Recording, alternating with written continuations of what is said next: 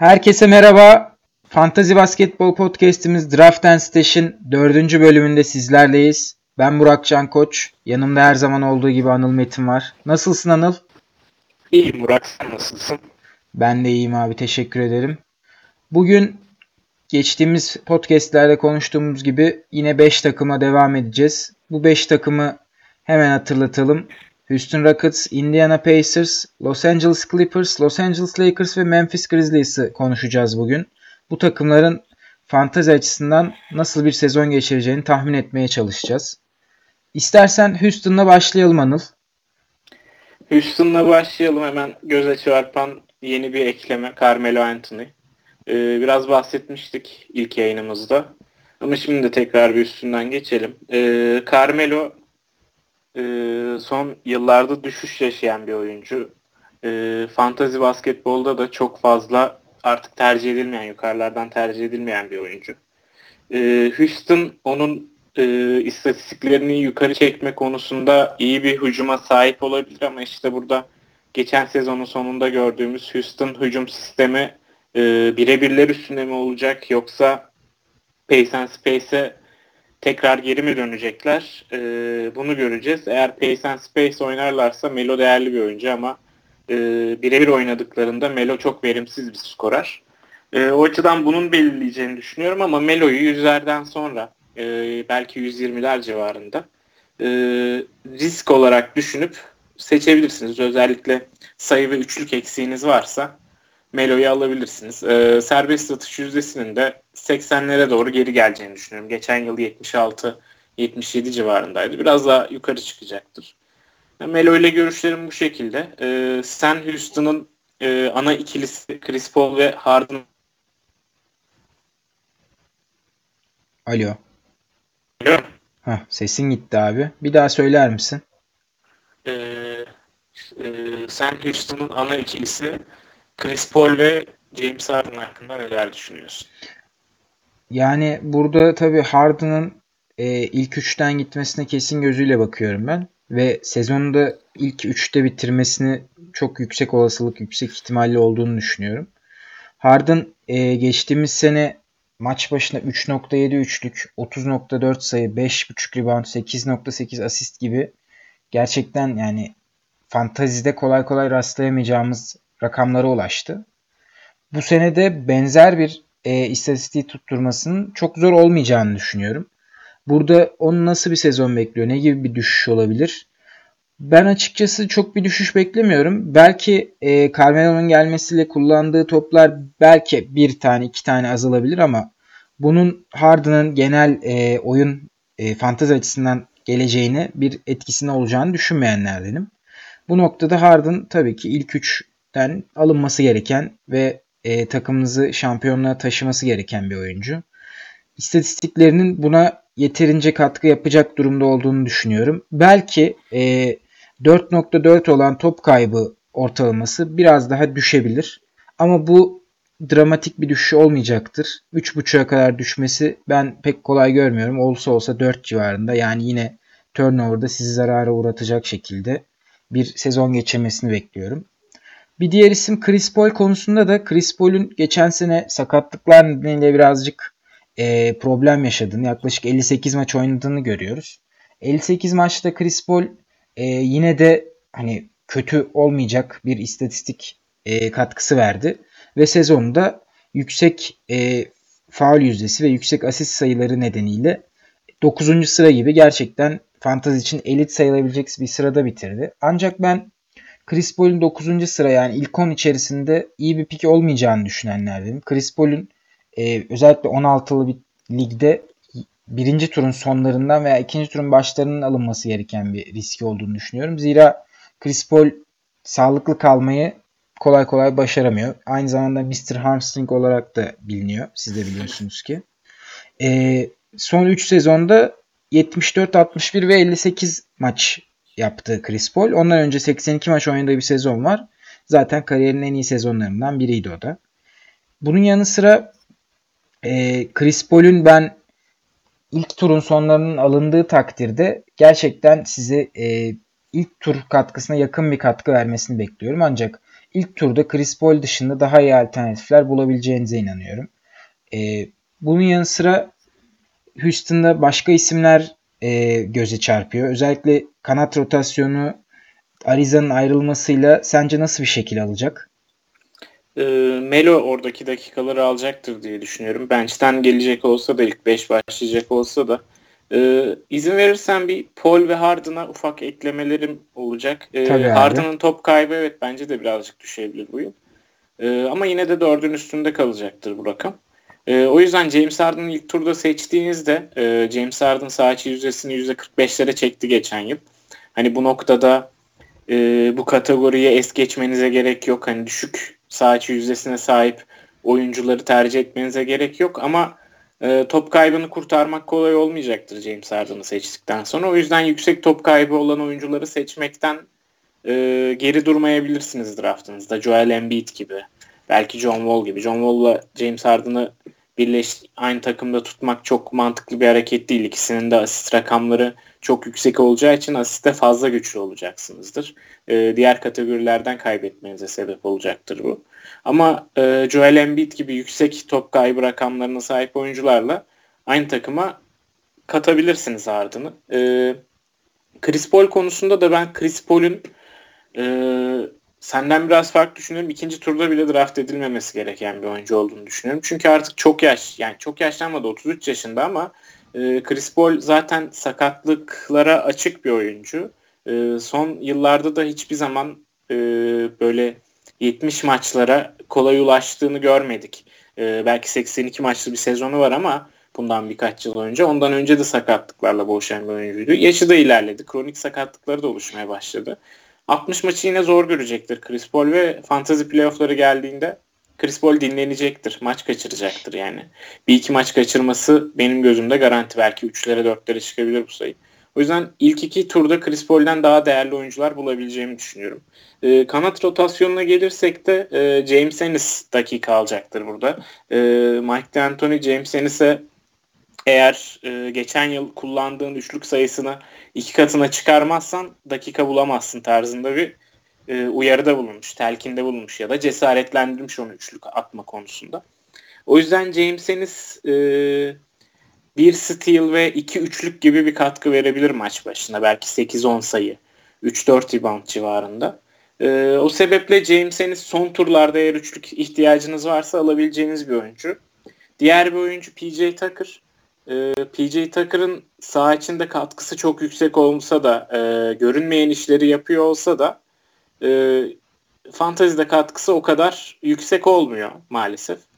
O yüzden PJ Tucker göz ardı edebileceğiniz bir oyuncu ama bazı haftalarda eğer Houston'ın maç sayısı fazlaysa ve sizin de rebound ihtiyacınız varsa e, rebound'un yanında ufak üçlük ve top çalma istatistikleri de arıyorsanız PJ Tucker'a yönelebilirsiniz ama onun dışında PJ Tucker'dan çok bir şey beklememek lazım diye düşünüyorum. Özellikle fantezi açısından. E, ben burada hemen Clint Capela'ya geçeceğim. Clint Capela geçtiğimiz sene e, gayet iyi bir sezon geçirdi. Ortalamada da 35. olarak sezonu tamamladı. Bunları 14 sayı, 11 rebound, 1'e yakın steal ve 1'e 2'ye yakın da blokla yaptı. Ve tabii ki %65 gibi olağanüstü iyi bir şut yüzdesiyle bunları başardı. Clint Capela'nın tabii ki tek dezavantajı e, bir uzun olduğu için e, serbest atış yüzdesinde %56 gibi 3.5 denemede %56 gibi bir isabet bulması. Bu onun fantazi değerini biraz zedeliyor ve tabii ki e, Houston'ın sisteminde 27.5 dakika gibi bir dakika ile oynaması da onun dakikalarının diğer süperstarlara oranla bir tık daha düşük kalmasına neden oluyor. E, çünkü Capella'yı de Harden veya Paul'un birebirlerinden sonra potaya devrilen uzun olarak daha e, basit ve daha klasikleşmiş bir rolde kullanmayı tercih ediyor Mike D'Antoni. Bu da onun daha farklı bir üretimde bulunmasının önündeki en büyük engel oluyor ama yine de bu istatistikler, bu e, sayı rebound ve defansif istatistikler Capella'nın yine iyi bir pick olarak bu senenin draftında yer alabileceğini gösteriyor. Tabii yine her zaman söylediğimiz gibi e, free throw yüzdesini göz ardı edebileceğiniz her durumda Capella, Drummond, e, DeAndre Jordan gibi isimler her zaman daha değerli oluyor. Bu noktada Capella'yı eğer free throw yüzdeniz kötüyse veya free throw'u almak gibi bir hedefiniz yoksa değerlendirebilir ve Capella'nın e, defansif istatistiklerinin keyfine varabilirsiniz. Bu noktada bir eklemede e, daha doğrusu sana şöyle soru soracağım. Sence Brandon Knight ve Michael Carter Williams eklemeleri Houston'ın backcourt'unda nasıl bir etki yaratır fantazi açısından?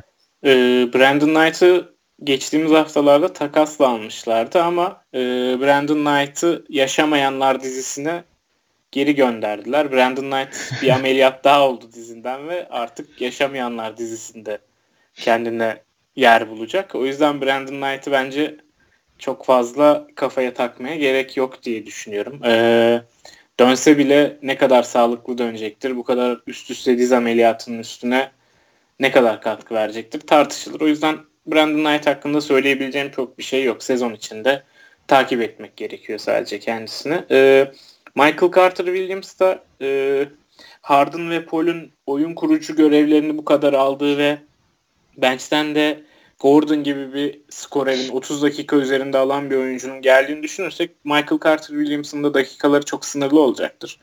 Ee, ondan da çok bir şey beklemeye gerek yok diye düşünüyorum bu sezon. Ee, Capella'nın dakikalarıyla ilgili ufak bir ekleme yapayım. Capella sürekli dakikalarını arttırarak geldi yani. E, ikinci sezonunda 20, üçüncü sezonunda 24, geçen yılda 27,5 dakika oynadı. E, bu dakikalar belki bu yıl 30'a çıkabilir. Bu da doğal olarak Capella'nın istatistiklerinin artmasına sebep olacaktır. E, her yılda istatistiklerini geliştirerek geldi Capella. Bu yıl da ufak eklemeler bekliyorum kendisinden. E, Capella için mesela 15 sayı, 2 blok, 12 rebound bence gerçekçi bir istatistik olacaktır ki harika istatistikler bunlar. E, belki o zaman e, ne kadar serbest atış yüzdesi düşük de olsa e, takımlarınızda rahatça yer verebileceğiniz bir oyuncu haline gelebilir Capella. E, çok iyi serbest atış atan Butler gibi veya Damian Lillard gibi bir oyuncu ile birleştirirseniz ortalama bir serbest atış yüzdeniz olur ama çok iyi bir uzun kazanmış olursunuz onun dışında. Ee, burada başka ek yapacağım bir oyuncu yok çünkü Chris bildiğiniz gibi çok sıkıntılı bir oyuncu. O da bu yıl takasla geldi. Chris hakkında benim söyleyebileceğim bir şey yok. Ee, tercih etmeyeceğim bir oyuncu. Senin var mı Chris'e eklemek istediğin bir şey? Ben Chris benim prensim olarak bilinir e, fantazi camiasında ama ben de Chris'ten umudu geçen sene itibariyle kestim. Benim burada ekleme yapacağım oyuncu e, bence fin, e, Houston'ın backcourt'unda değerli bir yere sahip Eric Gordon. Bunun nedeni de e, belki biliyor musunuz bilmiyorum ama Eric Gordon geçtiğimiz sezon NBA'yi üçlük ortalamasını 3. sırada bitirdi. Ve 3. sırada bitirmesinin tek sebebi de önünde Stephen Curry ve James Harden gibi iki tane canavarın olmasıydı. E, bunu bir de James Harden ve Chris Paul'un olduğu takımda 3.2 üçlük ortalamasıyla bir sezon geçirmiş olması Eric Gordon'u benim adıma bir noktada değerli kılıyor.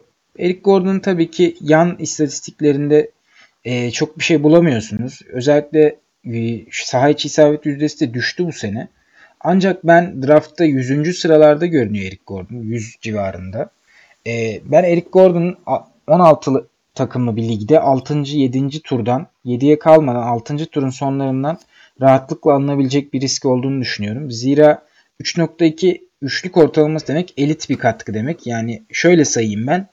E, bunu yapan oyunculardan ilk e, 12 oyuncuyu sayayım isterseniz. Curry, Harden, Thompson, Damian Lillard, Paul George, Kyle Lowry, Kemba Walker, Kyrie Irving, Devin Booker. Bu isimler zaten ilk 20'den giden isimler. E, bunların yanında elit diyebileceğimiz üçlük katkısı Eric Gordon, Wayne Ellington ve J.J. Redick'ten geliyor. Bu isimlerin hepsini bir arada düşündüğümüz zaman ne kadar değerli bir üçlük e, uzmanı, specialist'i olduğunu Eric Gordon'un görebiliriz. Bu noktada ben 100. sıranın, 95. sıranın Eric Gordon için iyi bir sıra olduğunu ve zaman zaman özellikle de e, Harden veya Paul'un herhangi bir sakatlığında çok e, yükselen bir değer olacağını düşünüyorum. Anladım. Benim Eric Gordon'a ekleyebileceğim bir şey yok. Tam olarak Eric Gordon'un size ne katkı vereceğini çok güzel bir şekilde açıkladın. Buradan Indiana'ya geçelim istersen. Ee, ben Indiana'da bu sefer de kendi prensimden e, Oladipo'dan bahsetmek istiyorum.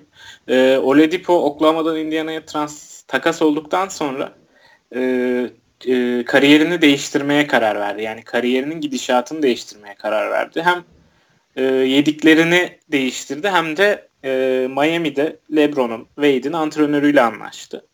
E, geçen yaz yani bu yaz değil geçen yazın tamamını 13 hafta boyunca Miami'de günde çift idmanla geçiriyordu. Bu yaz da farklı bir şey yapmadı. Hatta geçen yaz e, antrenörünün söylediğine göre ilk 3 haftayı Oladipo'nun yediklerinden içtiklerinden e, kötü etkili etkilerinden yediği içtiğinin kötü etkilerinden arındırmaya uğraşmışlar. Yani 3 haftalık başlangıç öyle bir periyot olmuş. Daha sonra antrenmanlara başlayabilmişler. E, bu sebeple bu yıl daha da çok çalıştığını gördüm ben Oladipo'nun. Hem antrenörünün yayınladığı videolarda hem okuduklarımda. Hem de e, vücudunun gelişimini takip edebildiğim kadar Oladipo bütün yazı çalışarak geçirdi. Yani gördüğüm, sosyal medyada gördüğüm veya okuduğum en çok çalışan oyuncuydu yine bu yaz. O yüzden ben Oladipo'nun oyunun üstüne bir tık daha koyacağını düşünüyorum. Ee, bu yıl yine Oladipo'yu top 10'da görürsek hiç şaşırmayacağım. Ee, ama oranın biraz dışında gidiyor. Bunu da e, mantıklı buluyorum ben. Yani top 10'daki isimler e, gerçekten harika isimler. Jokic gibi, LeBron gibi, e, belki Damian Lillard gibi. Ama top 10'dan da seçebilirsiniz Oladipo'yu. Bence kesinlikle top 10'un içinde olacaktır. E, Tyreek Evans'ın gelmesi etkiler mi? Valla daha çok Darren Collison ve Corey Joseph'i etkiler bence Tyreek Evans'ın gelmesi ama Oladipo yine hem defansif istatistikler anlamında hem sayı ve üçlük rakamlarını arttırma anlamında belki asistlerini arttırma anlamında iyi bir yıl geçirecektir diye düşünüyorum. O yüzden bence Oladipo'yu kaçırmayın. Gerçekten e, çok çalışkan bir oyuncu. Oyununu bir level daha üste taşımak için elinden gelen her şeyi yapıyor. O yüzden hani keşke yine bu yıl Oladipo benim takımımda olsa diyeceğim bir oyuncu.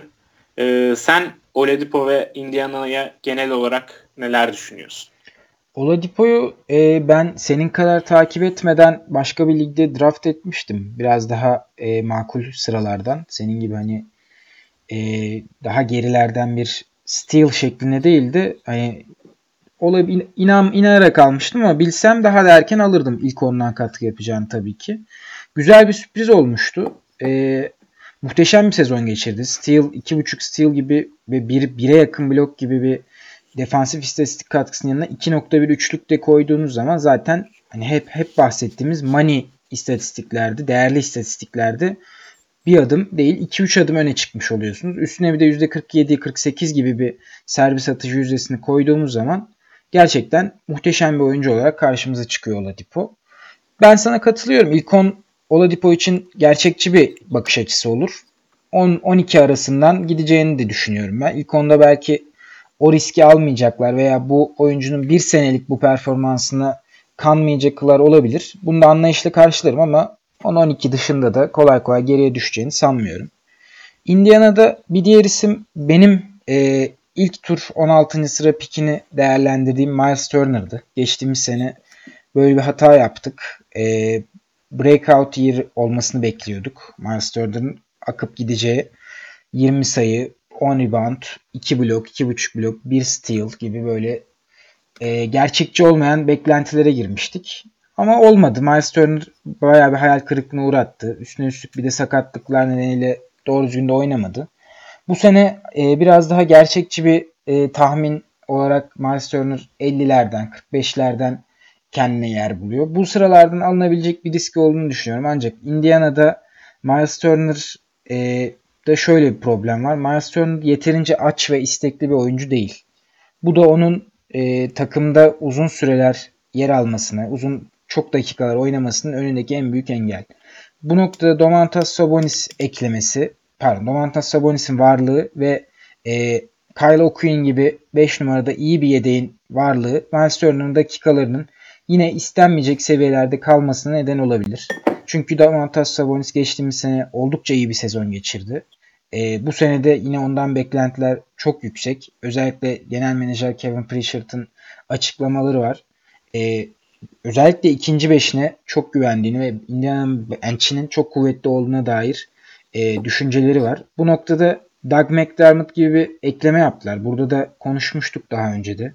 E, bu eklemenin biraz yıllık ücret bazında yüksek bir ücret verilse de yine de bilinçli ve gerçekten düşünülmüş bir ekleme olduğunu olduğu kanaatindeyiz. E, bu noktada ben bir tekrar kontrol ettiğimde e, Doug McDermott geçtiğimiz sene %49 gibi bir yüzdeyle üçlük atmış. Bu da bir şutör için oldukça iyi bir yüzde. Indiana'da bunu sürdürdüğü zaman fantezi açısından e, gerilerden, arka sıralardan oldukça değerli bir seçim olabileceği kanaatindeyim. Sen ne düşünüyorsun? Ee, ben önce Miles Turner'la ilgili düşüncelerimi söyleyeyim. Miles Turner da bu yaz e, kendi vücuduna yatırım yapan oyunculardan. E, onun yatırım yapma e, noktasına getiren yerde e, Turner biliyorsun playofflarda e, Sabonis'in arkasında yani dakika olarak Sabonis'in arkasında kalmaya bazen son çeyreklerde oynamamaya başlamıştı. Evet. E, bu durum onu içe, bu duruma içerlemiş diyelim ve o da bu yıl yediklerine içtiklerine dikkat etmeye başlayan yazın ve e, geçen yıl çok fazla sakatlık yaşamıştı. Ufak tefek sakatlıklardan maçlar kaçırdı Miles Turner. E, bir de yanıyorum, san, yanılmıyorsam dirseğinden sakatlanıp birkaç hafta kaçırmıştı. E, o da bu yıl vücuduna e, çok dikkat etmeye başlayan ve e, yogayı sakatlıklar sakatlıklardan korunmak için e, kendine yöntem olarak belirlemiş bir oyuncu. E, o da yaz boyunca yoga yaptı ve vücuduna e, kas kütlesi ekledi. E, bu sebeple ben Turner eğer e, dayanıklılığını geliştirdiyse e, geçen yıl aldığı 28 dakikanın üzerine çıkabileceğini düşünüyorum ama senin de söylediğin gibi e, kaliteli oyuncular var e, Indiana'nın uzun rotasyonunda. E, Sabonis'in biraz daha 4, 4 numaradan dakika alacağı, Kyle O'Keefe'nin dakikalarının 15'lerde kalabileceği ihtimalini de ben e, az görmüyorum. Bu sebeple Miles Turner dakika alabilir. E, Miles Turner'ın dakikaları 30'un belki biraz üstünde çıkabilir ama e, 30 dakika oynasa bile geçen yıldan daha iyi bir yıl geçireceğini düşünüyorum. Benim hani patlama yapmasını, breakout year geçireceğini düşündüğüm oyunculardan biri. E, Miles Turner 45 ile 50 arasından seçtiğinizde ondan 25 ile 30 arasında bir katkı alabileceğinizi düşünebilirsiniz. E, çünkü hem üçlük atıp hem blok yapan uzunlardan biri. Hani bunun ne kadar değerli olduğunu söylemiştik zaten. E, değerli bir stat seti var. O yüzden ben bu yıl patlama yapıp 25-30'lardan gidebileceğini düşünüyorum Miles Turner'ın. E, bunun dışında e, Tyreek Evans hakkında görüşlerin neler? Bu yıl rolü nasıl olur Indiana'da? Ben Tyreek Evans konusunda geçtiğimiz seneki e, aldığı role benzer bir rol bekliyorum Tyreek Evans'tan. E, biraz daha dakikaların 30-31 civarında değil de 25 civarında seyretmesini ama e, Indiana'nın ikinci beşinde özellikle e, ikinci beşini yönlendiren oyuncu olmasını bekliyorum. Zira e, Corey Joseph'in geçtiğimiz sene en büyük eksikliklerinden birisi iyi bir oyun kurucu, iyi bir top yönlendirici olmamasıydı. Bu da e, Indiana her ne kadar muhteşem bir sezon geçirmiş olsa da Indiana açısından bir adım ileriye gitmek için Tyreek Evans gibi değerli bir e, 6. adamın varlığı bu takımın bir adım daha ileri gitmesine sebep olabilir. İleri gitmesini sağlayabilir. İstatistiksel bazda Tyreek Evans'tan yine e, 20 sayı civarında bir sayı olması da 14-15 sayı, 1.5-2 üçlük, e, 4-5 rebound, 4-5 asist, 1 steal gibi. Yani Tyreek Evans'ın her zaman yapmaya hazır olduğu istatistikleri bekleyebiliriz. Bunu Tyreek Evans genellikle e, şut yüzdesini rahatsız edici bir şekilde e, atarak, şut yüzdesine rahatsızlık vererek e, yapmayı tercih eden bir oyuncu ama geçtiğimiz sene %45 gibi aslında Tyreek Evans standartlarında iyi sayılabilecek bir şut yüzdesiyle bitirdi sezonu. Bu noktada Tyreek Evans'ın ben e, bu seviyelerde kalabileceğini baktığımda önceki 3 yılda %40 ile 41 ile oynamış Tyreek Evans'ın bu sene %45'e yakın ama 45 kadar yüksek olmayan bir şut yüzdesiyle bitireceğini düşünüyorum. Ve Tyreek Evans'ın 45. sırada sezonu kapattığını görüyorum. Ancak 45. sıranın Tyreek Evans için fazlasıyla yüksek olduğunu düşünüyorum. Zira Yahoo da benzer şekilde düşünüyor olmalı ki Tyreek Evans 100. sırada yer buluyor kendine. 100. sıra demek de 16'lı bir takım 16 takımlı bir ligde 6. tur 7. tur civarına denk geliyor. Şahsen ben buralardan e, Tyreek Evans riskine girmeyi sakatlık nedeniyle ve Indiana'nın e, kalabalık bir rotasyon sebebiyle çok istemesem de bu nokta Tyreek Evans'ın gerçekçi e, sırasını yansıtıyor diye düşünmekteyim ben. Anladım. Ben bir diğer isim Bogdanovic'den bahsetmek istiyorum. Ee, Boyan da geçen yıl 31 dakikada 14.3 sayı, 2 üçlük, 3.4 rebound, 1.5 asist, 0.7 steal, 0.1 blok, %47.5 saha içi isabeti ve %87 serbest atış istatistiğiyle oynamış. Ee, Bogdan'ı bu açıdan 110. sırada bitirdiğini görüyoruz genel ortalamada. Ee, pardon Boyan'ı. Ee, Boyan bu açıdan şu an 130'larda görülüyor e, sıralamada. Yahoo'nun sıralamasında. E, bu açıdan alınabilecek bir oyuncu düşünüyorum. Eğer sayıya ve üçlüye ihtiyacınız varsa, yüksek yüzdelerle atılan sayı ve üçlüye ihtiyacınız varsa e, bu sıralardan belki biraz daha gerilerden yani 140'lardan 130'lardan alınabileceğini düşünüyorum ama McDermott'ın gelmesiyle beraber e, Boyan'ın rolü de biraz azalacak, azalacaktır. E, McDermott'la Boyan saha içinde benzer işleri yapabilecek oyuncular. E, o sebeple 31 olan dakikaların 28'lere düşmesini bekliyorum ben Boyan'dan. E, ama çok etkilemeyecektir. Eğer o sıralara geldiğinizde sayı ve üçlük ihtiyacınız varsa tercih edebilirsiniz ama e, biraz daha o sıralardan genelde tavanı daha yüksek olabilecek, daha geniş rollerde oynayabilecek oyuncular tercih ediliyor. Boyan'ın rolü bu yıl Indiana'da değişmeyecektir. O sebeple Boyan'ı bir sayı ve üçlük specialist olarak görüp ona göre değerlendirebilirsiniz diye düşünüyorum. E, Teddy Young hakkında neler düşünüyorsun? E, Ted Young'ın şimdi e, ben ona bakıyordum tam da bu sırada. E, Ted Young biliyorsun e, özel bir kulübe üye. Bu kulüpte e, Magic Johnson, Larry Bird ve LeBron James de var. e, o nedenle Ted Young'ın bu özelliğini göz önünde bulundurarak e, seçmekte fayda var. Ted Aynı Young zamanda kırmak üzereyken tanımlanan rekorlar. Aynen. Evet. Bu rekorlardan birisi şu 800 e, maç oynayan oyuncular arasında 13.5 sayı, 5.9 rebound, 1.4 steal, %49 FG ve %33 sayı yüzdesi şeklinde bir e, kulübe dahil edersek Ted Young'ı kendini Magic Johnson, Larry Bird, Michael Jordan ve LeBron James'in yanında gerçekten elit seviyede bir yer buluyor. Şimdi bunların hepsini düşündüğüm zaman bu oyuncuların ne kadar büyük olduğunu tartışmaya gerek yok diye düşünüyorum. Yani Magic, Tabii. Bird, Jordan, LeBron. Yanına bir de Ted Young gibi bir oyuncu var ve Ted Young'ı sen yani bulmuşsan draftta edeceksin. Yani LeBron'u alamadığın yerde Ted Young'ı alacaksın. o nedenle 100. sıra gibi bir noktadan Ted Young Steal of the Draft'tır yani benim gözümde. Bence de çok düşük kalmış Ted Young gibi bir efsane için. Yani Ted Young gibi bir efsane için 100. sıra nedir ki? Ben yani bir çılgınlık yapıp ikinci turdan bile çekebilirim bu adamı. Hmm. Çekmeni umut ediyorum bizim draftımızda öncelikle. Umarım Ted Young'ı ikinci turdan çekersin ve bizleri şok edersin. Ee, geçen yılki Miles Turner pikine benzer bir pik yaparsın. Ee, şey e, Ted Young'ın peki gerçek Ted Young'ı konuşacak olursak. gerçek Ted Young e, gerçek Ted Young'ın geçtiğimiz sezondan biraz daha düşük istatistiklere sahip olmasını bekliyorum. Bunun sebebi de e, Indiana'nın kalabalık rotasyonu ve geçen seneki gibi 32 dakika civarında bir dakika almayacak olması Ted Young'ın. E, bu noktada ben Ted Young'ı biraz daha bulunduğu sıranın arkalarına düşerse draft etmeyi planlıyorum. Eğer düşmezse de benim radarımda olan bir oyuncu değil.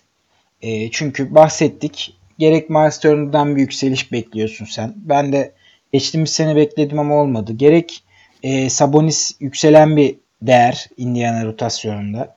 Gerek e, Kylo Quinn gibi gerçekten 5 numarada iyi bir katkı verecek bir oyuncunun varlığı. Bu Sabonis'in zaman zaman 4 oynayıp Young'ın bench'te kalmasına neden olabilir. Bunları düşündüğüm zaman ben Ted Young'ın e, gerçekten hani kendine has istatistikleri verebileceğini ancak bunların e, o elit dediğimiz veya iyi dediğimiz kategoridense ortalama vasat şeklinde hani bu üçlük steal blok birlikteliğinin vasat seviyelerde kalacağını düşünüyorum.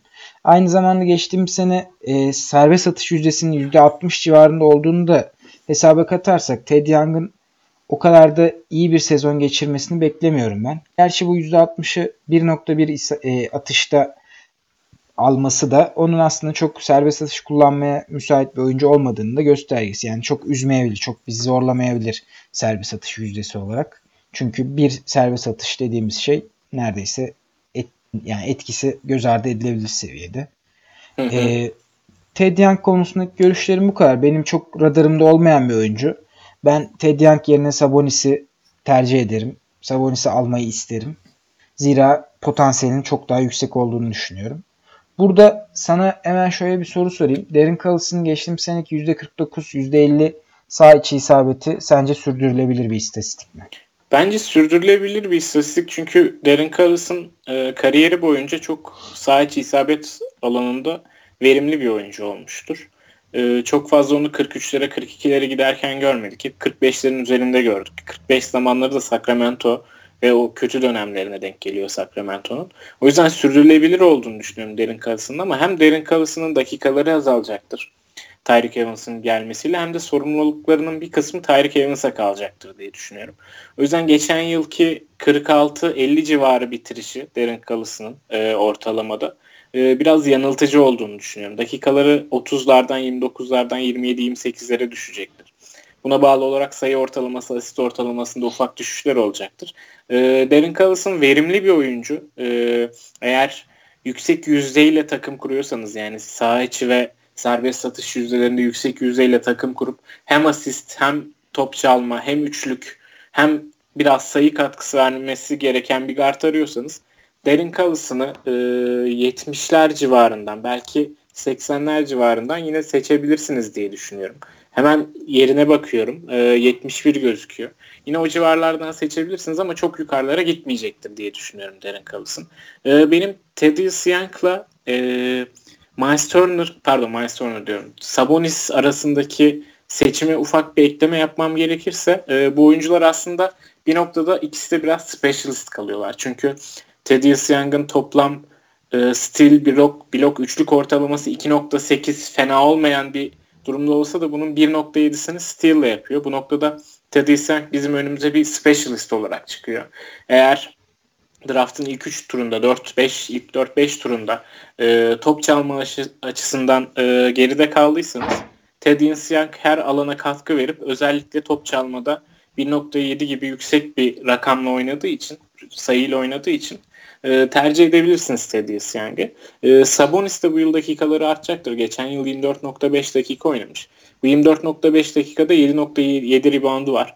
Bu rebound sayısını 9'lara çıkarabilir çünkü e, Indiana genel olarak rebound almakta sorun yaşayan bir takım. E, zaten takımın en iyi reboundçusu da sadece 24 dakika oynamasına rağmen Sabonis.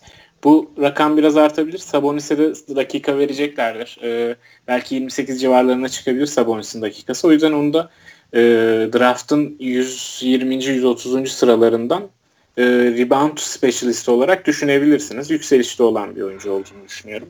Indiana'da bahsetmek istediğim başka bir oyuncu var mı? Indiana'yı bence kapatabiliriz. İstersen Clippers'a geçelim yavaş yavaş. Clippers'a geçelim aynen. Clippers e, tabii şu an ve yaz boyunca gündemdeydi. Yaz boyunca gerek Kavay nedeniyle şu anda Butler nedeniyle gündemde olan bir takım. E, bu değerlendirmeyi Butler olmadan yapıyoruz. Butler olmadan konuşacağız. Hani Butler takasıyla ilgili herhangi bir şey olmadan değerlendirmeye çalışacağız. O nedenle e, doğal olarak takımın bir numaralı fantazi açısından en değerli oyuncusu Tobias Harris ile başlayalım istersen. Tobias Harris hakkında düşüncelerin neler? Ben şahsen e, ilk 40 civarında bir e, beklentim var. 35-40 civarının alınabilecek bir oyuncu olduğunu düşünüyorum ve gerçekten bu sene bir patlama bekliyorum Tobias Harris'ten. Ee, ben de senin aynı fikirdeyim. Ben de bir patlama bekliyorum Tobias Harris'ten. Ee, ama buradaki benim kafamdaki tek soru işareti Tobias Harris hangi takımda kalır? Ee, sezon boyunca hangi takımda oynar? Ya da oynadığı takım e, playoff yapar mı? Çünkü eğer Butler Clippers'a gelecekse bence gönderilecek bir numaralı isim maalesef Tobias Harris. E, Tobias Harris isteyecektir daha doğrusu e, Minnesota. Gallinari ile falan hiç uğraşacaklarını zannetmiyorum ya da e, zaten Bradley şu an takası açık değil. Sanırım Aralık ayında ya da Ocak ayında takası açık olacak. E, bu sebeple Tobias Harris Clippers'ta kalırsa önü çok açık ama Minnesota'ya gittiği takdirde e, bu top 40 beklentileri yerine top 60 top 70'lere bırakabilir. Hı hı. E, ama e, Detroit'te de daha önceki takımlarında da Tobias Harris top 50'leri görmekte sorun yaşamamıştı. O yüzden e, tavanı yüksek de diyebiliriz. Ben de çok iyi bir sezon geçirmesini bekliyorum. Zaten geçen yıl son 3 ay Clippers'ta oynadığı zamanlar e, top 40'ı zorlamıştı. Hatta ben daha da bir adım ileri gidip son 2 ay istatistiklerini vermek istiyorum Tobias Harris'in. E, Tobias Harris son 2 ayda e, 34,5 dakikada 19,5 sayı, 2.3 üçlük, 6 rebound, 3.2 asist, 1.1 steal, 0.6 blok, %47.5 saha içi isabeti ve %85'lere yaklaşan serbest atış isabetiyle oynamış. Bunun yanında 35 dakika oynayıp 1.7 top kaybetmiş sadece. O açıdan da verimli bir oyuncu. O yüzden ben Tobias Harris'in tavanını top 30 olarak görüyorum. Ee, 30'un üstündeki herhangi bir noktadan da seçilip daha yukarılarda bitirmesi beklenebilecek bir oyuncu. Sen ne düşünüyorsun? Harris ve e, Clippers'ın guard rotasyonunun e, inanılmaz geniş olması ile ilgili. Harris konusunda ben katılıyorum söylediklerine. Harris e, bütün alanlara katkı yapabilecek derecede bir oyuncu. O nedenle 30-40 aralığında 40'a kadar sarkmasını da beklemiyorum. 30-35 aralığından alınmasını tavsiye edebileceğim bir oyuncu.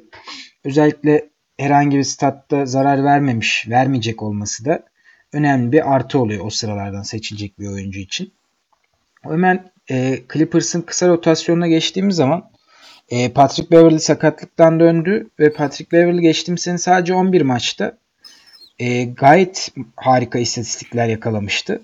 12 sayı, 2.2 üçlük, 2.9 asist, 1.7 steal ve 0.5 blok gibi e, aslında bir garda göre asist sayısı düşük olsa da Beverly'nin yaptığı diğer işler, rebound, steal ve blok gibi e, katkılar onun değerini biraz daha arttıran istatistikler oluyor. Ben Beverly'nin Phoenix'e gitme durumundan bağımsız olarak Phoenix'e gitse de Los Angeles Clippers'ta kalsa da iyi bir fantazi sezonu geçireceğini düşünüyorum. Geçtiğimiz sezonki sakatlık çok büyük bir şanssızlıktı. Ben draft etmiş olmama rağmen e, bunun e, acısını çektim. 11 maç sonunda sakatlansa da yani sezonun hemen başına sakatlansa da gerçekten e, oldukça kötü bir sakatlıktı. Bütün sezonu kapatmasına neden oldu.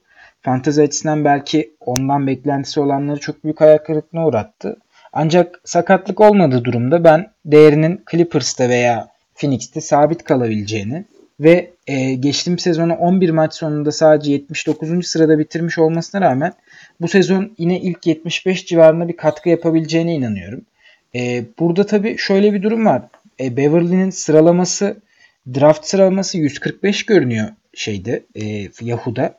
Yani bu draftın son sıralarında 8. 9. turun ötesine 10. turlara kalabileceğini gösteriyor. Ben bunun Beverly için pek gerçekçi olmadığını düşünüyorum. Gerek Clippers'ta gerek Phoenix'te kalması, Phoenix'e gitmesi durumunda. O nedenle Beverly'nin ben son sıralarda mutlaka eklenmesi gereken bir oyuncu olduğu kanaatindeyim. Onun dışında Çaylak Guard, Shai Gilgis Alexander e, benim dikkatimde olan bir oyuncu. Bu oyuncu e, eğer Clippers Butler'ı bu sene alamazsa Beverly'yi gönderirse daha doğrusu playoff'un dışında kalmaya e, doğru ilerlerse Alexander ligin Christmas'tan sonraki bölümünde veya All Star'dan sonraki bölümünde oldukça fazla süre bulup fantezi açısından değerli katkılar verecektir diye düşünüyorum. Radarınızda bulunsun. Draft etmeye değeceğini sanmıyorum. Belki son tur hani bir e, zar atma gibi düşünebilirsiniz. Son turdan oynanabilecek kumar olabilir. Ancak yine de sezonun ilerleyen aylarında daha çok dikkat edilmesi gereken bir oyuncu. Cildus Alexander. O nedenle draftta ben pikinizi harcamamanızın daha doğru olacağını düşünenlerdenim. Ee, sana şöyle sorayım. Avery Bradley geçen seneki kayıp sezonunu düzeltebilir mi? Düzeltirse bunun Lou Williams'a etkileri nasıl olur? Tam olarak Avery Bradley'nin kariyer istatistiklerini açıyordum ben de. Ee, Avery Bradley geçen sezon unutmak isteyeceği bir sezon geçirdi. Özellikle Clippers'ta zaten 6 maça çıktı ama 9 sayı ortalamayla oynuyordu. Hani bu leş diyebileceğimiz bir istatistik e, Bradley için. Genellikle 15-16 sayılarda oynayan bir oyuncuydu kariyerinin son zamanlarında. E, ama ben düzeltebileceğine inanıyorum. Şöyle ki e, Bradley'i değerli yapan yani e, 2016-2017'de Bradley'i değerli yapan istatistik Boston'da e, maç başına çektiği 6 reboundtu.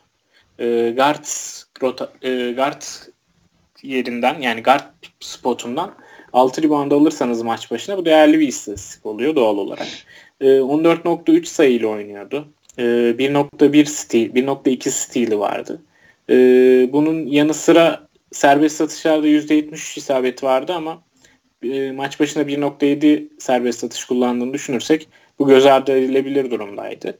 E, şut yüzdesi olarak Boston'da %46'lardaydı. Bu belki Clippers'ta bu kadar yüzde yüksek olmayacaktır. Ama yine de %45'leri %44'leri geri çekebileceğini düşünüyorum e, Beverly'nin bu istatistiği. E, burada kritik nokta şu. Boston'da Boston rebound sorunu olan bir oyuncuydu. Boston'dan sonra gittiği iki takımda e, Detroit'te Andre Drummond vardı. E, Clippers'ta da DeAndre Jordan vardı. Bu oyuncular çok yüksek rebound ortalamalarına sahip oyuncular ve e, pot altına düşenleri defansta yani Bradley'den hücum reboundu çok beklemiyoruz ama e, pot altına düşenleri kendi yarı sahalarında toplayan oyuncular. Şimdi artık Clippers'ta böyle bir oyuncu yok. Clippers'ın e, rebound sorunu da olabilir. Çünkü e, Gortad'ın arkasında Harrell'ın olduğunu görüyoruz ve Harrell pozisyonuna göre kısa bir oyuncu. E, o yüzden Bradley'nin ben rebound ortalamalarının geri 4'lere 5'lere çıkabileceğini düşünüyorum. Ama son tur dışında bir pik harcamanızı önermem. Çünkü Clippers'ın guard rotasyonu çok kalabalık. E, Bradley de 3 numaradan da dakika alabilecek durumda olsa da e, ya da Shai Gilgeous Alexander 3 numaradan dakika alabilecek durumda olsa da e, Bradley'i son tur dışında bir pikinizi harcamanızı önermem. Hani riski alıp e, kazanabilecek misiniz? Bakacağınız bir oyuncu. Son tur dışında bir pik harcamayın. Draft etmeseniz de olabilir diye düşünüyorum ama son turun ötesinde bir pikin harcanmaması gerektiğini düşünüyorum. Bradley biraz sürpriz bu yıl. Sen Bradley hakkında ne düşünüyorsun? Veya Galinari var. Çok gerilerden draft edilen bir oyuncu. Galinari hakkında ne düşünüyorsun? Bradley hakkında söyleyeceğim yani ekleyeceğim pek bir şey yok benim. Senin görüşlerine katılıyorum. Bu sene mutlaka daha iyi olmasını da bekliyorum. E, Galinari noktasında Galinari ilginç bir şekilde draftın çok gerilerinde yer alan bir oyuncu. E, evet sakatlık problemleri var. Evet sakatlanma riski var ancak e, Galinari sakat olmadığı zaman gayet iyi istatistikler veren bir oyuncu. Yani e, 15 sayı, 1.7 üçlük, 5 rebound, 2 asist, 0.6 steal, 0.5 blok ve %93 free throw ve bunların hepsini 32 dakika oynayan bir oyuncu 1.2 top kaybıyla kapatıyor. Bunların hepsini düşündüğüm zaman draftın son sıraları için, draftın gerileri için oldukça değerli bir oyuncu olduğunu düşünüyorum. O oralardan yani bu sıralardan sakatlık riskine girilebilecek bir oyuncu bana kalırsa. Geçtiğimiz sene 21 maç oynadı. Ondan önceki sene 63, ondan önceki sene 53, ondan önceki sene 27 maça başladı. 59 maç oynadı toplam. E, ancak Galinari bana kalırsa draftın e, son sıralarına yakın yani geç geç sıralarından alınması gereken ve alınabilecek bir risk. E, Galinari'nin buralara kadar düşmüş olması, buralardan seçiliyor olması benim kolay kolay anlam veremediğim bir durum. O nedenle ben Galinari'ciyim bu noktada. Galinari 139. sıra görünüyor draft sırası ortalaması olarak. 139 Galinari için oldukça yüksek bir sıralama. Zira bu oyuncu geçtiğimiz sezonu ortalamada 82. olarak kapattı. Yani baktığın zaman 60 sıralık bir fark var. Yaklaşık 3-4 turluk bir fark var. E, bu farkı ben Galinari alınabilecek bir risk olarak değerlendiriyorum. Sen ne düşünürsün? Ben de katılıyorum aynı şekilde. Galinari e, oralardan e, alındığında ortalamaları çok yüksek olan bir oyuncu. Eğer bu sezon 60 maçlara ulaşmayı başarabilirse Galinari e, fazlasıyla seçildiği yerin hakkını verecektir diye düşünüyorum. Ee, o zaman Clippers'ta eklemek istediğin biri var mı? Teodosic olabilir belki. Teodosic hakkında ben NBA'ye çok uygun olacağını düşünmüyordum. Geçen sene beni yanılttı. Ee, ara ara iyi performanslar da verdi ama galiba e, fiziksel yorgunluk ve fiziksel yetersizlik nedeniyle bir sakatlık yaşadı. Yani gücü NBA temposuna yetmedi diye tahmin ediyorum. Ee, bunların hepsini düşündüğümüzde ben draft etmeye değer bir oyuncu olarak görmüyorum kendisini. Kısa rotasyonu zaten kalabalık olan Clippers'ta biraz daha işlerin nasıl düzene gireceğini beklememiz gerekiyor. Ee, bu noktada Lou Williams hakkında bir şey söylemek ister misin? Lou Williams'ı konuşmadık Aa, pek. Evet Lou Williams'ı atladık. Nasıl atladık bilmiyorum. Geçen yıl Lou Williams ortalığı birbirine katmıştı. e, 33 dakika oynuyordu Lou Williams ama bu yıl guard rotasyonu biraz daha kalabalık. Geçen yıl Teodosic zaman zaman yoktu. E, Bradley geldikten sonra çok oynamadı. E, Beverly sezonu kapatmıştı zaten. O yüzden birazcık Lou'ya kalmıştı Clippers'ta ortam. E, Lou Williams bu sene yine bench'ten gelip 30'a yakın dakikalarını alacaktır ama geçen yılki kadar e, iyi oynayacağını düşünmüyorum ben. E, 22.6 sayı ortalama tutturmuş. 2.4 üçlük, 2.5 rebound, 5.3 asist ki e, bakmadım ama kariyerinin en yüksek rakamı olabilir bu Lou Williams için. 1.1 steal, 0.2 blok, %43 sayı isabeti ve %88 serbest satış isabeti e, görüyoruz Lou Williams'ta. E, Lou Williams'ın bu Hemen yılki... araya gireyim abi. Doğru söylüyorsun. Kariyerin en yükseği 5.3 asist. Hı hı. Yani e, Lou Williams'ın bu yıl draft edildiği yer 56 civarı ama bu yıl bu kadar istatistik verir mi Clippers'ta? Ben bu noktada çok emin olamıyorum ama e, tabii ki e, belki de şu an ligin en iyi 6. adamı tartışmasız. E, iyi istatistikleri olacaktır yine Lou Williams'ın ama yerini tam olarak kestirmekte zorlanıyorum. Belki 75'ler Lou Williams için daha iyi bir yer olabilir seçmek için. Çünkü geçen yılki kadar e, tavanının yüksek olduğunu düşünmüyorum bu yıl. Hem guard rotasyonunun kalabalıklığı hem ilerleyen yaşı hem de alacağı dakikaların azalması beni buna bunu düşünmeye sevk ediyor. Sen ne düşünüyorsun Lou Williams hakkında?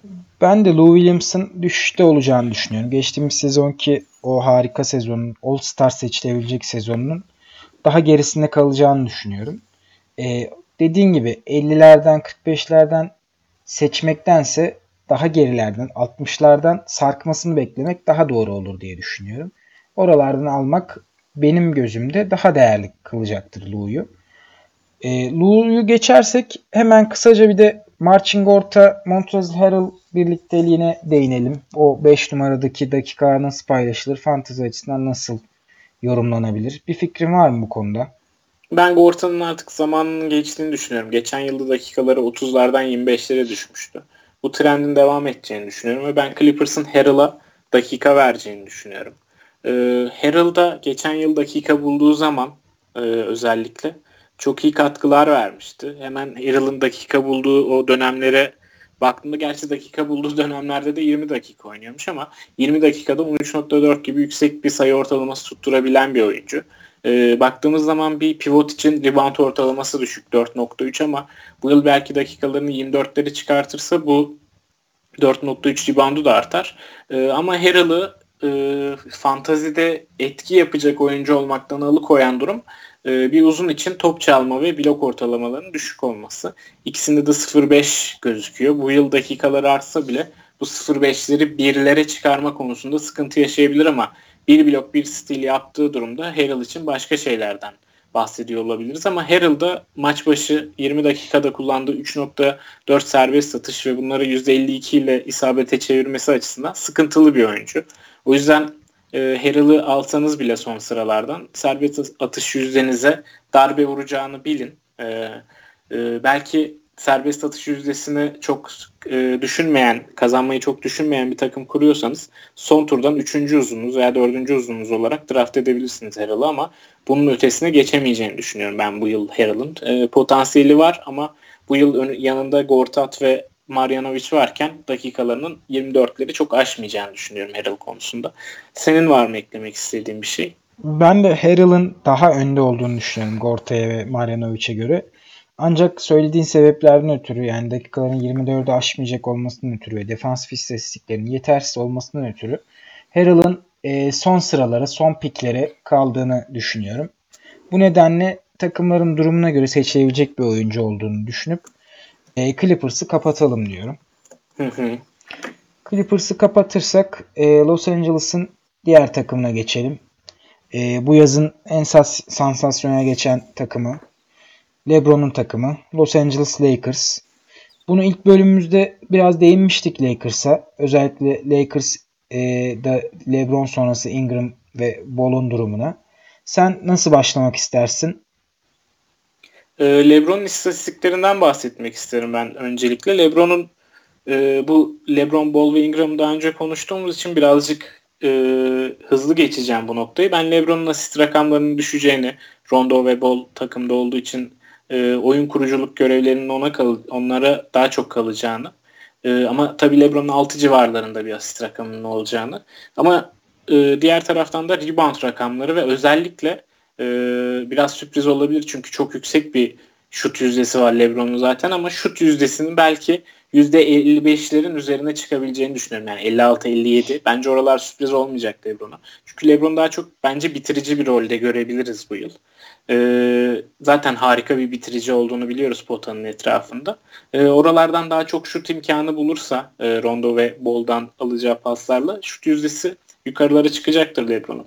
Ee, Lonzo Ball hakkında e, menisküs ameliyatı geçirdi Lonzo Ball e, yazın başında. Onunla ilgili biraz konuşmak isterim. Menisküs ameliyatı yani menisküsünüzde yırtık olduğunda iki seçeneğiniz oluyor genelde. Ya menisküs yırtığınızı e, geri dikiyorlar. E, repair deniyor bu işleme.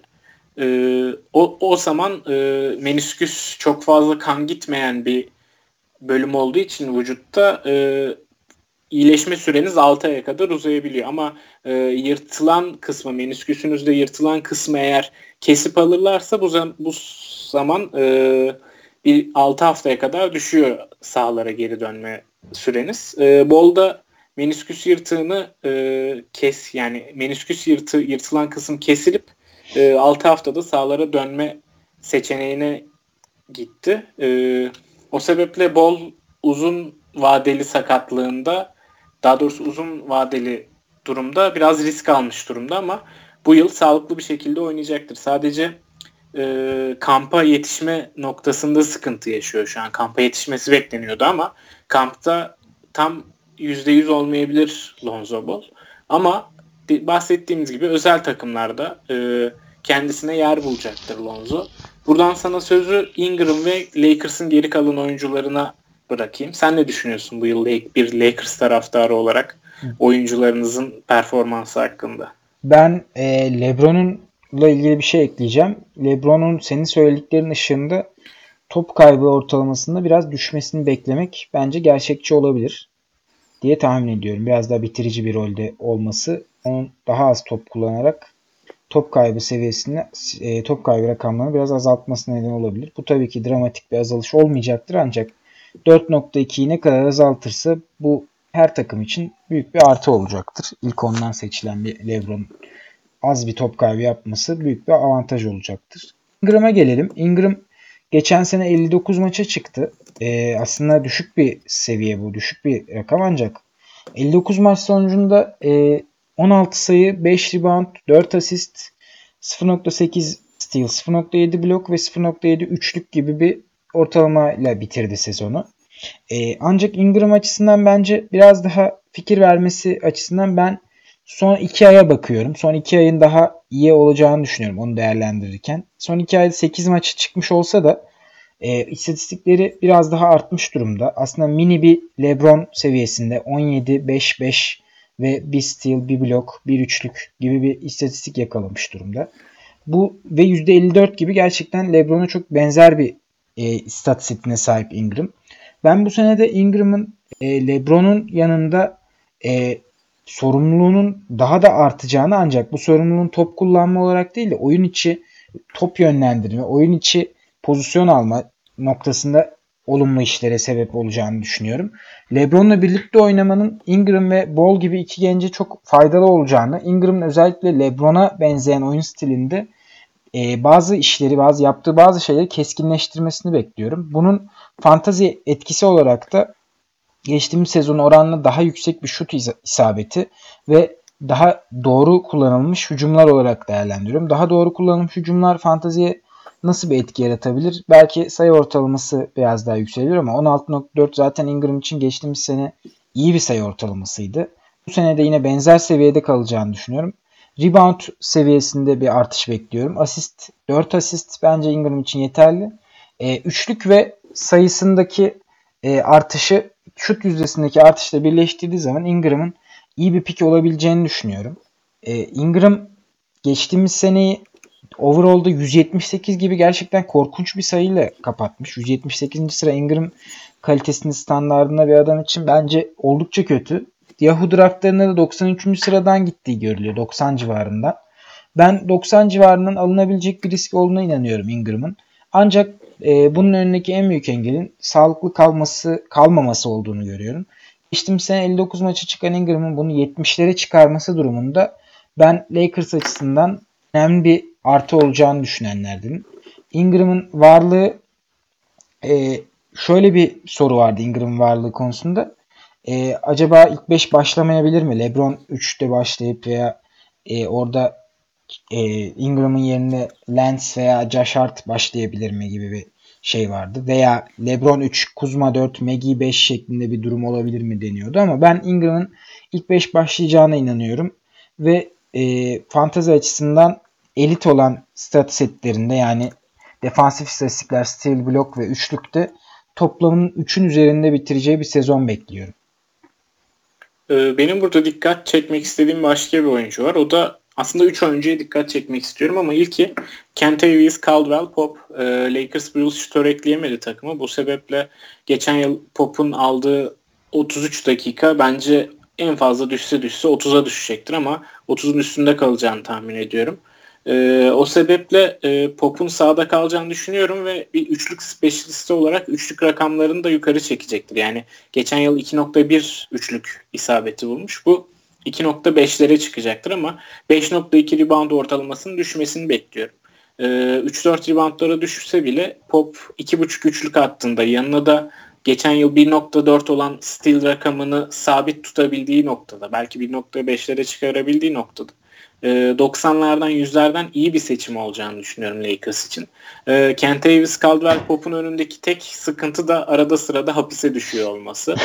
Ee, bu sebeple de e, eğer Kent Davis Caldwell Pop hapise girerse ya da e, geçen yıl aldığı cezaya benzer bir ceza alıp Kaliforniya eyaletini terk edemeyecek durumlarda olursa maç kaçırabilir ama onun dışında çok fazla maç kaçıran kaçırmayan bir oyuncu e, hapis ihtimalinin düşük olduğunu düşünürsek bence Caldwell Pop yüzlerden 90'lardan iyi bir 3 and D wing olarak seçebileceğiniz oyuncu. E, bu yılın Lakers'ın gençleri adına e, en çok gördüğümüz iki isim Josh Hart ve Kyle Kuzma'ydı. Kyle Kuzma'yı haberlerde çok gördük. Çıkan haberler Kuzma'nın e, vücudunu inanılmaz geliştirdiği yönündeydi. Ama bu haberlerden 5 oynamaya daha çok hazırlanıyor veya 3-4 oynamaya daha çok hazırlanıyor şeklinde gelenler vardı. Bence e, iki ihtimalde de Kuzma ister LeBron kısa 5'lerde 5 oynasın, ister Kuzma kısa 5'lerde 5 oynasın. E, bu fiziksel gelişim Kuzma'nın bu yıl çok işine yarayacaktır. Çünkü pota altında e, hızlanarak bitirdiği pozisyonlarda kendi boyuna göre çok zayıf kaldığı söyleniyordu. Ee, bunları arttırırsa %45 olan yani bir uzun için %45 olan düşük yüzdesini %47'lere 48'lere çıkarabilir diye düşünüyorum. Zaten çok iyi bir rookie sezonu geçirdi. Sadece defansif istatistiklere katkı vermeyen bir oyuncu ve e, serbest satış yüzdesi düşük olan oyuncu. Bu ikisinin de artacağını düşünüyorum ben fiziksel gelişimiyle birlikte. Onun dışında 16 sayı, 2.1 üçlük ve 6.3 rebound gerçekten iyi istatistikler. O yüzden Kuzma şu an tam olarak nereden seçiliyor bilmiyorum. Yine bir hype yaratılmıştır Kuzma etrafında. O yüzden yüksektir. 80'ler gözüküyor ama ben bu 80'lerin hakkını vereceğini düşünüyorum Kyle Kuzma'nın. Ee, seçmeyi düşündüğüm oyunculardan biri. Bir diğeri de Josh Hart. Ee, yaz liginin MVP'si oldu biliyorsunuz. Josh Hart da e, Lakers'ın 9 kişilik ana rotasyonunda bu yıl sürelerini arttırabilecek bir oyuncu. Ee, geçen sezonun sonunu e, çok iyi bitirmişti Caşart. E, hemen son bir aya göz attığım zaman Caşart'ın ilk 35'li olduğunu görüyorum ki 35 dakikada 16.5 sayı 2.3 rebound, 7.1 rebound, 1.9 asit, 1 top çalma ve yarım blok. Bunda %50 sağ içi isabeti ve %80 serbest atış isabetiyle yapmış. Bunlar harika rakamlar ama tabii 35 dakikaları görmeyecektir Caşart. 20 ile 25 arasında kalacağını düşünüyorum Caşart'ın dakikalarının ama e, bakalım nerelerden gidiyor Caşart hemen. E, Caşart bu yıl draftta 125'lerde görünüyor. Bir tık yüksek kalmış ama buralardan seçtiğiniz zaman Caşart e, bu seçimin karşılığını verebilir diye düşünüyorum. Sen neler düşünüyorsun Lakers'ın varsa aklına gelen başka bir oyuncusu ya da bu oyuncular hakkında? Rondo var konuşmadığımız mesela. Ben Rondo'nun e, pek iyi bir sezon geçirmesini beklemiyorum. Zira Lonzo, Ingram, LeBron gibi bir e, birlikteliğin içerisinde Rondo'nun yani fantezi açısından üretiminin sınırlı olacağını düşünenlerdenim. O nedenle e, Rondo'yu draft etmek e, çok özel takımlar dışında bence e, yapılmaması gereken bir şey. Zira geçen seneki 10.5 asistin yanına bile yaklaşabileceğini düşünmüyorum ben. E, bu seneki asist ortalamasının 5-6 civarında kalacağını, dakikalarının da e, 30 civarında değil 20 civarında olmasını bekliyorum. 20-24 aralığında. Çünkü e, Lakers'ın Rondo'nun oyun kuruculuğunu, Rondo'nun top yönlendiriciliğine ihtiyacının olmadığını düşünenlerdenim. O nedenle Rondo ben es geçebileceğim bir oyuncu ancak Kuzma ve Hart konusunda sana katılıyorum. E, Caldwell Pope'un da hapise girmediği sürece veya eyalet dışına çıkma cezası almadığı sürece gayet iyi bir pik olduğunu düşünüyorum. Bunun da en önemli sebebi bu adamın maç kaçırmıyor olması. Maç kaçırmayan bir oyuncu düzenli olarak iyi de istatistik veriyorsa gerçekten draft edilmeye değer bir oyuncudur benim gözümde de. Onun dışında e, Javel McGee hakkında ben draft edilebilecek bir oyuncu olduğunu düşünenlerdenim Javel McGee'nin. Ancak Javel McGee çok sınırlı e, şeyler, işler başarabilecek bir oyuncu. Bunu gözeterek draft etmekte fayda var. Çok e, kısa sürelerde blok specialist olarak kendine yer bulacaktır bu takımda. E, rebound konusunda tabii ki Lakers'ta bir rebound problemi görünüyor şu an. Daha doğrusu yani bu iş LeBron, McGee'nin üzerine kalacak gibi görünüyor. E, bu noktada Maggie belki geçtiğimiz sezonlara oranla biraz daha yüksek bir rebound ortalaması yakalayabilir. Ancak Maggie'den rebound ve blok dışında bir şey beklemek çok faydacı olmaz. Üçlük attığı söyleniyor bu sene. Üçlük attığı videolar görülüyor ama bu fantazi açısından bence pek e, kayda değer bir değişiklik olmayacaktır. Yani ben 1'e yakın üçlük atacağını düşünmüyorum veya 0.5'e yakın üçlük atacağını düşünmeyenlerdenim. Tabii beni yanıltırsa da bunu sözümü hani paşa paşa yerim hakkını veririm Maggie'nin. Ama benim ekleyeceğim başka bir şey yok Lakers'a dair. Zaten dakikaların da 15'in üstüne çıkacağını ben çok zannetmiyorum. Ee, Lakers'ın diğer uzunlarının da çok fazla oynayacağını düşünmüyorum. Genellikle kısa beşlerle oynayacaklardır. Bu da fantazi açısından e, bütün oyunculara artı değerler getirecektir diye düşünüyorum. E, Lakers umarım kısa beşlerle oynar. E, uzunları kaliteli değil çünkü. E, Zubac var. Belki ona da dakika vereceklerdir bu yıl ama toplamda 24-25 dakika civarında kısa beşlerle oynamasını oynayacaklarını düşünüyorum. Bu da fantezi açısından Lakers oyuncularını değerli noktaya getirebilir. Ee, başka ekleyeceğim bir şey yoksa son takımımıza geçelim. Memphis Grizzlies. Evet Memphis'e geçebiliriz abi. Memphis konusunda ikimizin de e, sormamız gereken soru Memphis playoff durumunda, playoff'ta ne durumda? Playoff yapabilecek durumda mı? Sen şansın ne olarak görüyorsun? Bunu konuşalım istersen. Ee, ben Memphis'i e, daha doğrusu Batı'ya genel bir bakış atarsak Sacramento ve Phoenix'i kafadan eliyorum ben playoff yapamayacaklar konumunda getiriyorum. E, Clippers'ın da bence geniş ve kaliteli oyunculardan oluşsa da rotasyonu e, yıldız eksiklikleri çok bariz. E, o sebeple Clippers eğer Butler'ı alırsa durum biraz değişebilir ama Butler'ı alırken kimi verdikleri de önemli. Butler'ı alırken Harris'i verirlerse ben yine playoff yarışında geride kalacaklarını düşünüyorum. Ee, Minnesota'da yaşanan olaylar belli. Yani takım kimyası şu an bitmiş durumda. O, o sebeple bunun kolay kolay düzelmeyeceğini de düşünüyorum. Ee, Tom Thibodeau'nun sadece Butler'ın sadece Carl Anthony Towns ve Wiggins'te sorun olmadığını aynı e, Tom Thibodeau'nun da bu sorun da e, Butler'ın yanında yer alıp e, Wiggins ve Carl Anthony Towns'a karşı cephe aldığı konuşuluyor. O yüzden oradaki sorunların kolay kolay aşılabilecek durumda olmadığını düşünüyorum. E, Minnesota Butler'a karşı e, pik veya genç oyuncu değil katkı verebilecek bir oyuncu arıyormuş ama yine de Butler'ı takas ederlerse de etmeseler de Butler takasında iyi bir oyuncu alsalar da playoff yarışında geri kalacaklardır. Dallas'ı da konuştuğumuzda bundan bahsetmiştik. Bence nefesleri yetmeyecektir playoff yarışına e, bir tık geride kadroları ve benchleri özellikle. E, bu Memphis'i batıda benim gözümde 10. nokta 10. sıraya koyuyor. Burada sadece e, mesele Memphis'in Denver, New Orleans, Lakers, Utah, Portland veya Oklahoma veya San Antonio Spurs gibi takımlarla ne kadar süre boyunca yarışacağı veya son ana kadar yarışmaya devam edebilecek mi galibiyet sayısı olarak. Bu bence asıl mesele. Ben edebileceklerini düşünüyorum. Sanıyorum sen de edebileceklerini düşünüyorsun. O sebeple Memphis'in oyuncuları özellikle yıldızları Marc Gasol ve Mike Conley bence draft etmeye değer oyuncular. Ee, buradan ben Marc Gasol ve Mike Conley hakkında bu yıl yorum ne olur? Ona geçmek istiyorum. Neler düşünüyorsun bu yıl Memphis hakkında?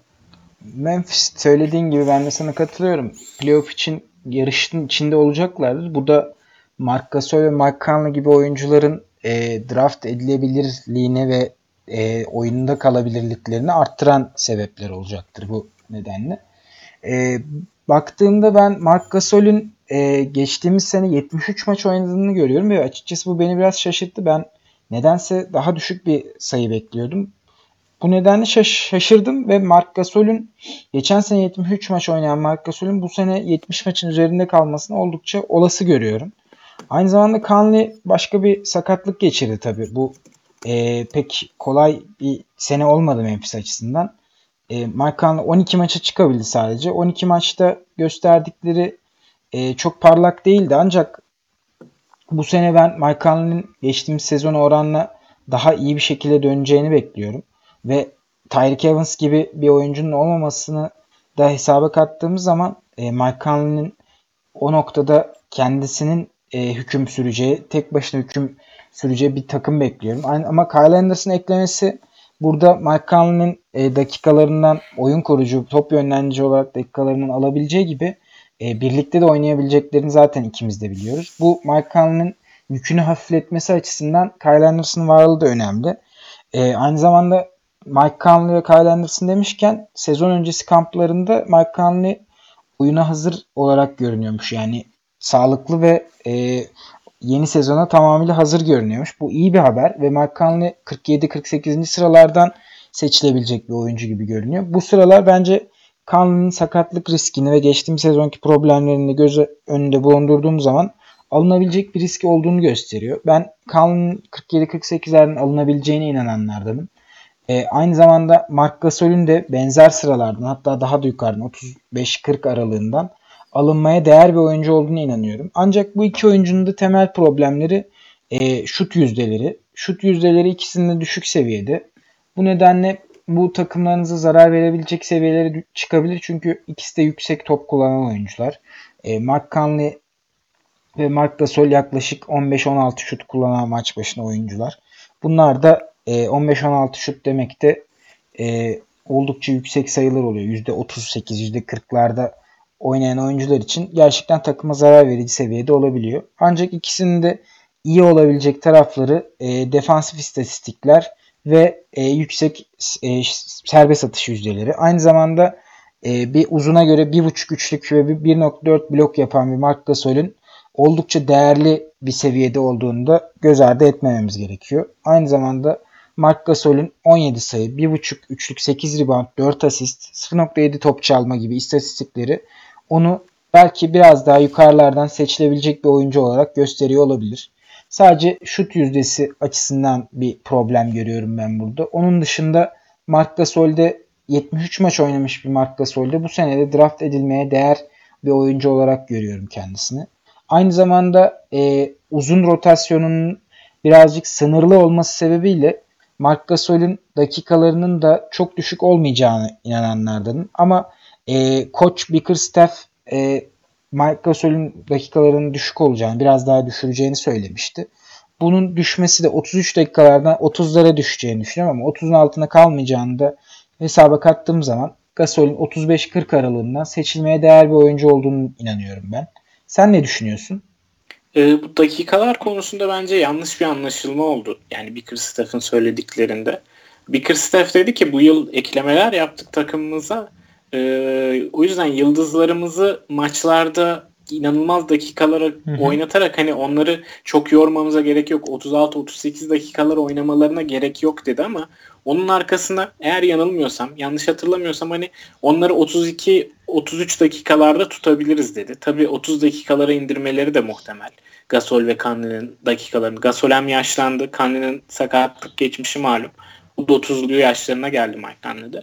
E, o yüzden 30 dakikalara inebilir evet ama ben playoff yarışında kalmak istiyorlarsa bunu 32-33 dakikada tutmaları gerektiğine inanıyorum. Ki genelde aldığı dakikalar bunlar bu oyuncuların. E, o yüzden 30'lara inmeyeceğini 32-33 civarlarında seyredeceğini düşünüyorum. Gasol konusunda söylediğin her şeye katılıyorum. Ekleyeceğim bir şey de yok. Kanli konusunda da aynen katılıyorum. E, 47-48'lerden yapmayı düşünebileceğiniz bir pick Mike Conley. Evet bir sakatlık geçmişi var ama Mike Conley son yıllarda yaşadığı sakatlıklardan önce çok sağlıklı bir oyuncuydu. Belki geçen yılı sadece 12 maçta geçirip e, sakatlığından geri dönmeye çalışmış olması, uzun süredir dinleniyor olması e, onun adına olumlu yansıyabilir bu sezona diye düşünüyorum. E, Mike Conley de 16-17 sezonunda 23. sırada bitirmiş.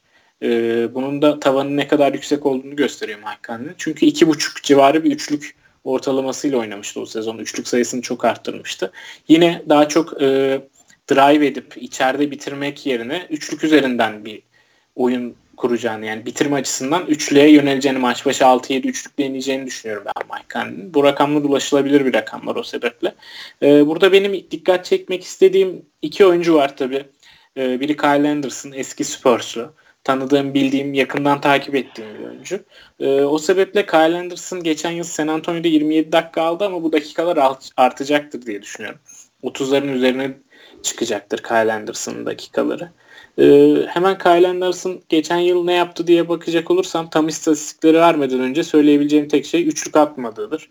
Üçlük atmayan bir oyuncu Kyle Anderson. E, bu üçlük durumu bu yıl Memphis'te değişir mi zannetmiyorum. Geçen yıl 0.3 olan ortalaması belki 0.5'lere çıkabilir dakikaların artmasıyla.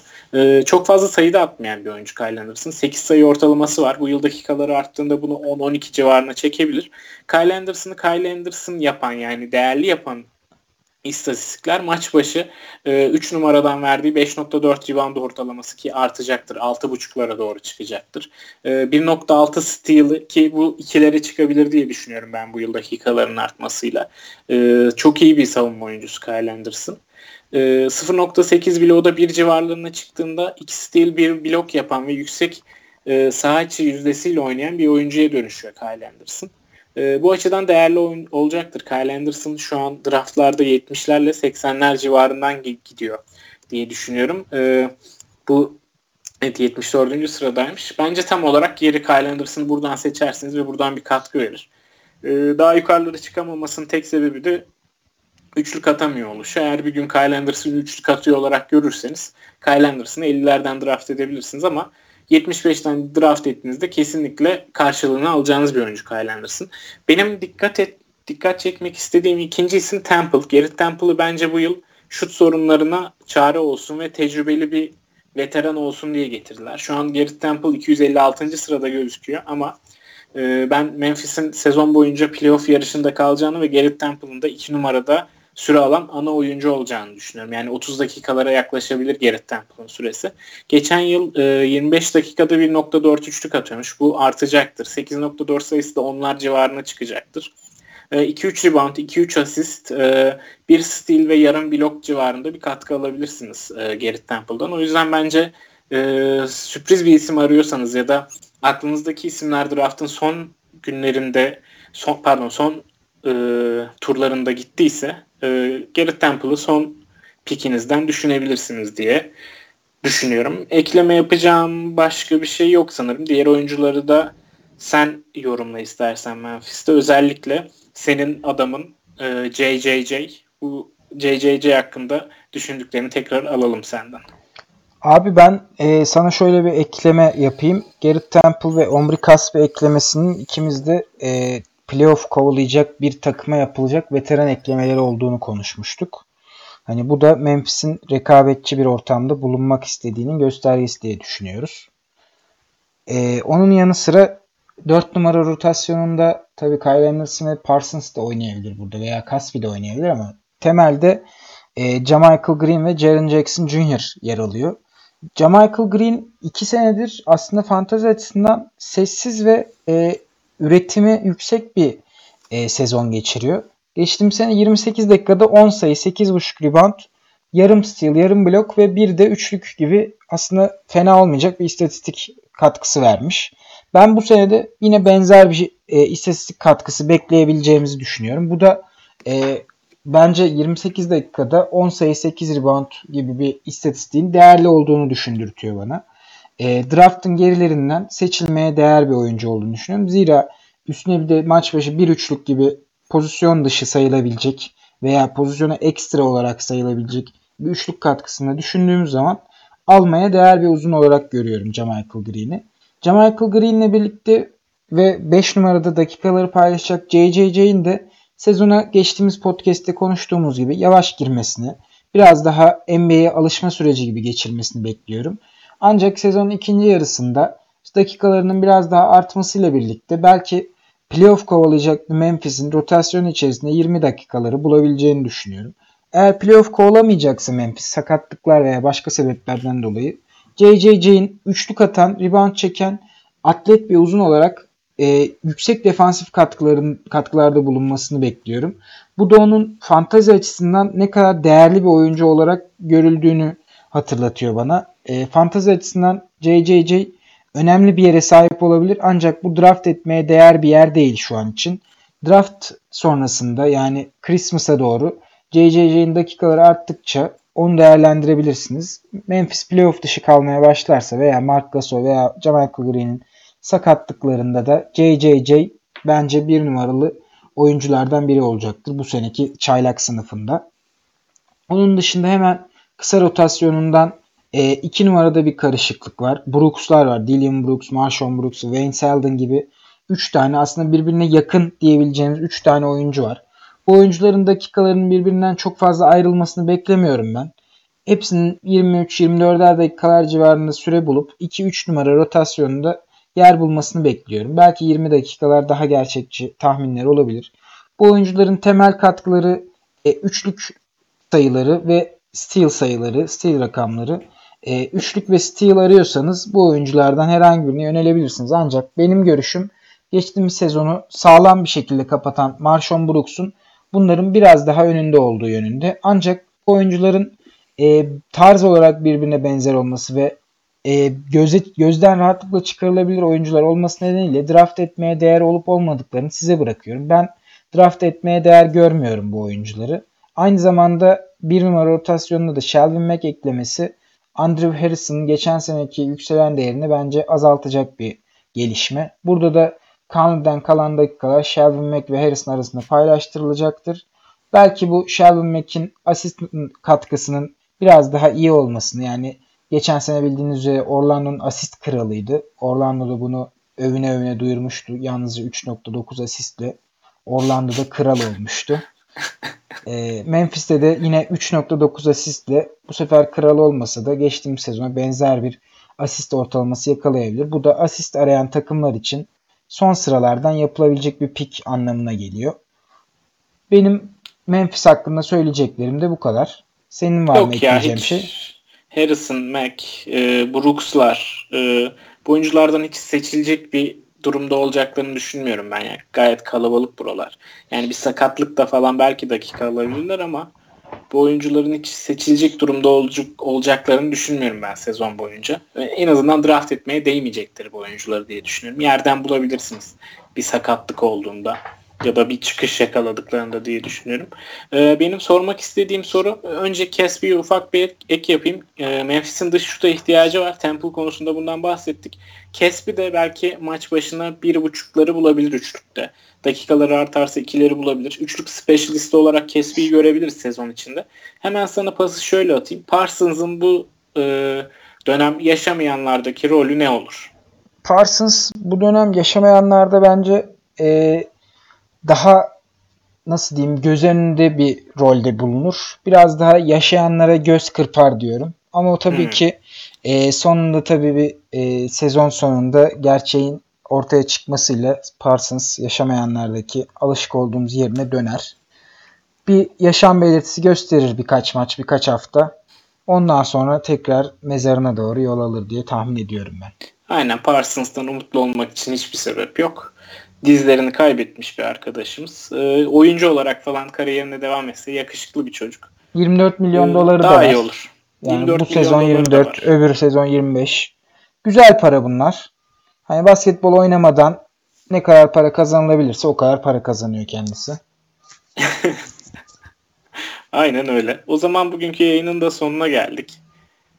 Ee, evet bugün de ekleyeceğimiz bir şey kalmadıysa bugün de kapatabiliriz. Bundan sonraki programda yine 5 takımla devam edeceğiz. Miami, Minnesota, Milwaukee, New Orleans ve New York gibi aslında eğlenceli sayılabilecek bir beşli bizi bekliyor. Bakalım Jim Butler takası olacak mı? New York olursa New York'a iki farklı takım görebiliriz Minnesota ve New York'ta. Onları da konuşuruz önümüzdeki bölümlerde. Eklemek istediğim bir şey yoksa kapatabiliriz abi. Eklemek istediğim herhangi bir şey yok. Bizi dinlediğiniz için teşekkür ederiz. Umarım eğlenmişsinizdir. Bir dahaki yarında yayında görüş, görüşmek üzere. Bizi dinlediğiniz için teşekkür ederiz. Bir dahaki yayında görüşmek üzere. Hoşçakalın. Hoşçakalın.